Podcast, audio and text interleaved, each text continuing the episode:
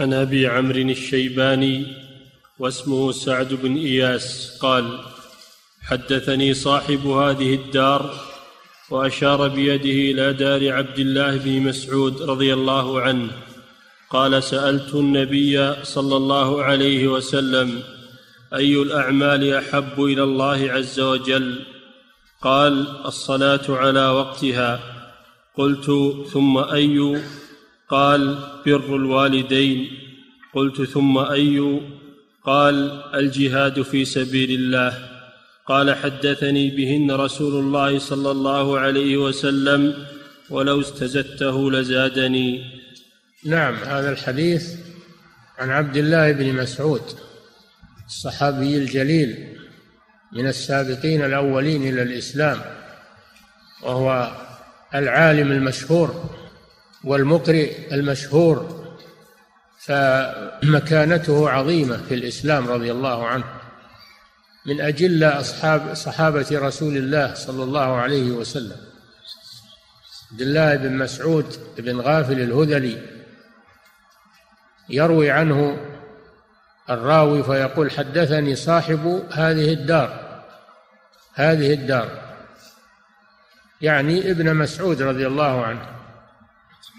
قالوا هذا دليل على أن الإشارة تكفي عن التعيين. الإشارة تكفي عن التعيين.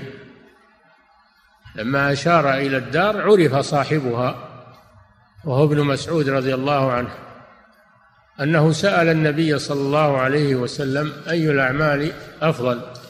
قال الصلاة على وقتها. هذا أفضل الأعمال. بمعنى الصلاة في أول وقتها. وليس المعنى ان ان الصلاة في وقتها أفضل من الصلاة خارج الوقت لا. معناه الصلاة لوقتها أو على وقتها أي في أول وقتها المبادرة إليها في أول الوقت على أفضل الأعمال. الصلاة على وقتها وفي رواية الصلاة لوقتها والمعنى في أول وقتها. وهذا فيه دليل على أن الأعمال تتفاضل. بعضها أفضل من بعض.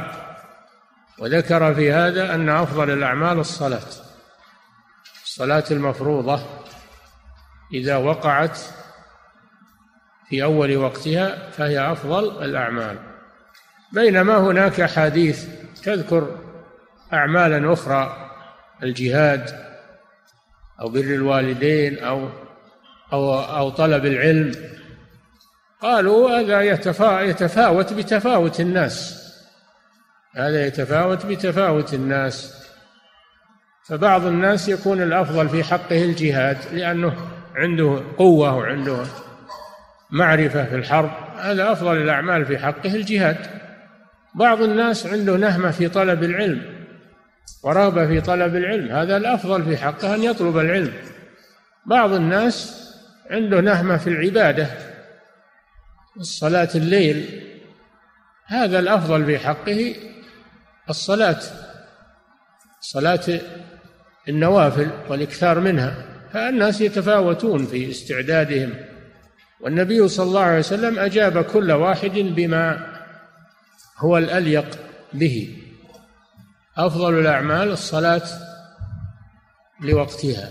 هذا فيه فضيلة تقديم الصلاة في أول الوقت ويأتي تفصيل هذا في الأحاديث التي بعده. متى تصلى الظهر؟ متى تصلى العصر؟ متى تصلى المغرب؟ متى تصلى العشاء؟ متى تصلى الفجر؟ هذا يأتي تفصيله. قلت ثم أي قال بر الوالدين لأن حق الوالدين يأتي بعد حق الله تعالى. اشكر لي ولوالديك. قضى ربك ألا تعبدوا إلا إياه وبالوالدين إحسانا.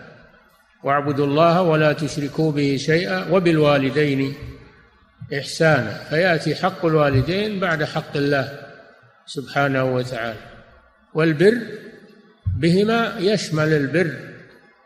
بالقول والبر بالفعل والبر بالنفقة عليهما يشمل كل هذا.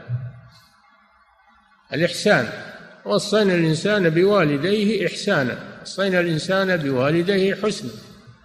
الإحسان إليهما يشمل جميع وجوه الإحسان من قول أو فعل لأن حقهما عليك عظيم. يأتي بعد حق الله سبحانه وتعالى.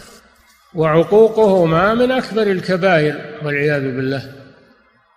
قلت ثم أي قال الجهاد في سبيل الله.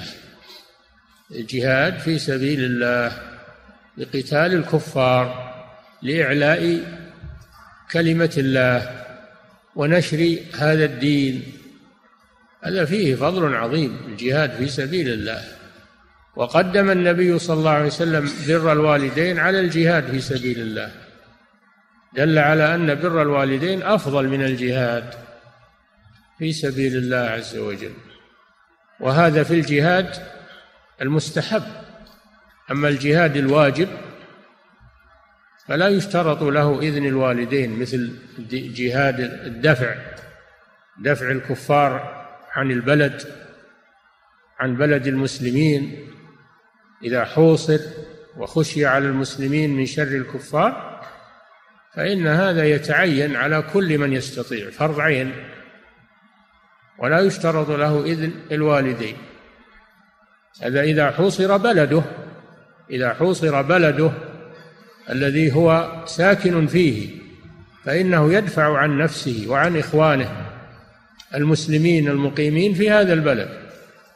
ولا ينتظر الإذن من أحد. لأن هذه مسألة ضرورة. مسألة ضرورة. أما الجهاد الغزو الجهاد الذي هو الغزو أو الجهاد الذي فيه مساعدة للبلدان الأخرى من بلدان المسلمين هذا مستحب. ويشترط فيه إذن الوالدين لأن حقهما مقدم. وجاء رجل إلى النبي صلى الله عليه وسلم يريد الغزو. فقال أحي والداك قال نعم. قال ففيهما فجاهد فيقدم بر الوالدين على الغزو في سبيل الله عز وجل. فهذا الحديث فيه فضل الصلاة في أول وقتها وهو الشاهد وهو الشاهد للباب. ثم قال عبد الله بن مسعود رضي الله عنه ولو استزدته أي طلبت من الرسول صلى الله عليه وسلم الزيادة لزادني. فهذا فيه أنه لا ينبغي كثرة الأسئلة والإثقال على العالم. لا ينبغي هذا أن يثقل عليه وأن يكثر عليه الأسئلة وإنما يسأله أسئلة لا لا تحرجه وتشق عليه ولا يستزيد من الأسئلة فيحرج أو يثقل العالم. نعم.